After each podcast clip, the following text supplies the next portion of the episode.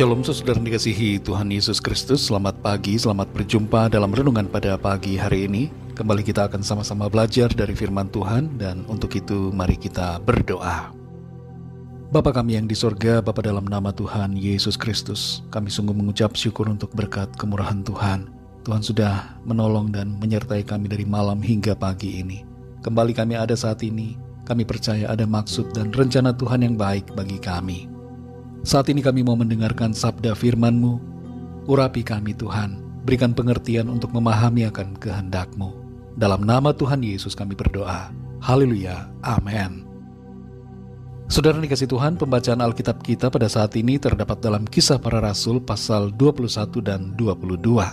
Saudara dapat membacanya secara pribadi setelah mendengarkan renungan ini. Saya akan membaca kisah para rasul 22 ayat yang ke-10 tertulis demikian. Maka kataku, Tuhan, apakah yang harus kuperbuat? Kata Tuhan kepadaku, bangkitlah dan pergilah ke Damsik. Di sana akan diberitahukan kepadamu segala sesuatu yang ditugaskan kepadamu. Saudara dikasih Tuhan, sebuah kalkulasi pernah dilakukan untuk melihat bagaimana setiap orang yang berumur rata-rata 70 tahun menghabiskan waktu hidupnya. Hasil perhitungan itu menunjukkan bahwa dari 70 tahun tersebut, 23 tahun digunakan untuk tidur, 16 tahun untuk bekerja, 8 tahun untuk nonton TV dan semacamnya, 6 tahun digunakan untuk makan, 10 setengah tahun untuk jalan-jalan, hiburan dan rekreasi, 6 tahun untuk kegiatan lain-lain, dan hanya sekitar setengah tahun untuk kegiatan ibadah keagamaan. Tuhan punya tujuan atas hidup kita, saudara. Kita ada di bumi ini bukan untuk tidak melakukan sesuatu, tapi kita diciptakan dengan dahsyat dan ajaib menurut rupa dan gambar Tuhan untuk menyembahnya dan untuk melakukan kehendaknya. Dalam kisah para rasul 22 ayat 10 ini tertulis, maka kataku, Tuhan, apakah yang harus kuperbuat?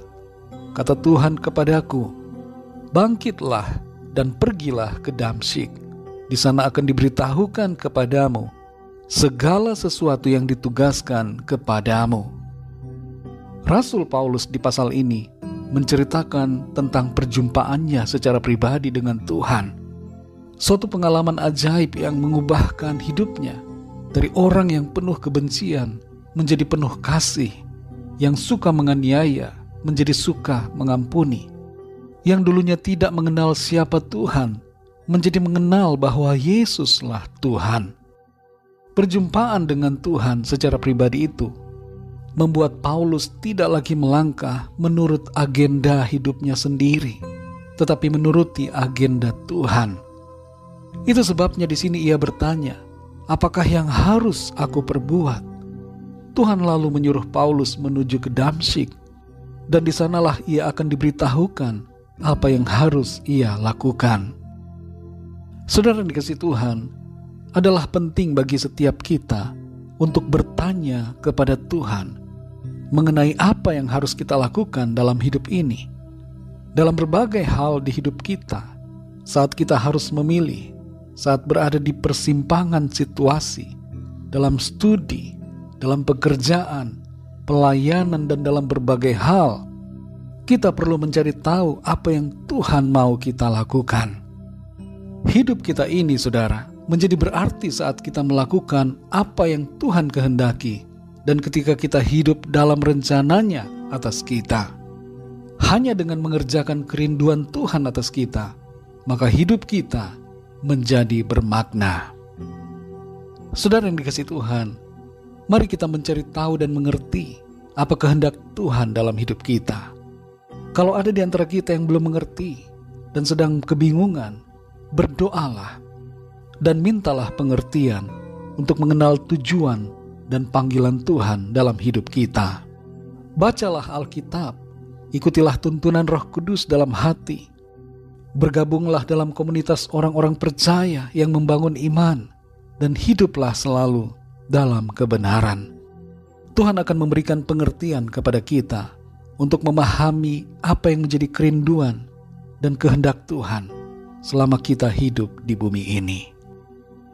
Mari kita berdoa saudara.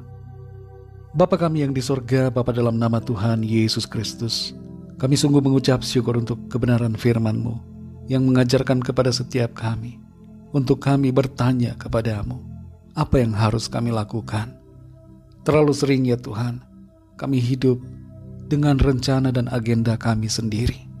Kami punya keinginan kami, dan kami melupakan keinginan Tuhan atas hidup kami. Kami menyadari saat ini, hanya dengan mengerjakan rencanamu, tugas dan panggilanmu atas kami, yang membuat hidup kami berarti. Tolong kami Tuhan, supaya kami mengerti apa yang Tuhan mau kami lakukan. Berikan kami pengertian, dan tuntun kami ya roh kudus, Pegang tangan kami selalu Tuhan. Bimbing kami langkah demi langkah untuk kami berjalan menuju kepada rencanamu Tuhan. Berkati kami di sepanjang hari ini dalam segala aktivitas kami. Biarlah semua yang kami lakukan ada dalam pimpinanmu dan semuanya menyenangkan hati Tuhan. Berkati bangsa dan negara kami Indonesia dan semua bangsa di dunia ini. Lawat dengan kasih-Mu Tuhan agar setiap orang dari segala bangsa mengalami perjumpaan pribadi dengan Engkau, Tuhan.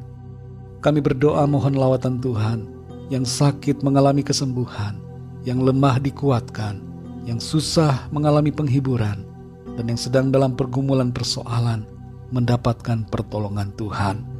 Kami percaya kami alami kemenangan, sukacita dan berkat-berkat Tuhan. Terima kasih Bapa, dalam nama Tuhan Yesus Kristus, Tuhan dan Juru Selamat kami, kami sudah berdoa dan mengucap syukur. Haleluya, amin. Puji Tuhan, saudara dikasih Tuhan, saya percaya firman Tuhan menjadi berkat dan kekuatan buat saudara semua, dan roh kudus akan menolong saudara untuk lebih lagi memahami kebenaran firman Tuhan. Tuhan Yesus memberkati saudara semua, sampai jumpa dalam renungan yang berikutnya. Haleluya.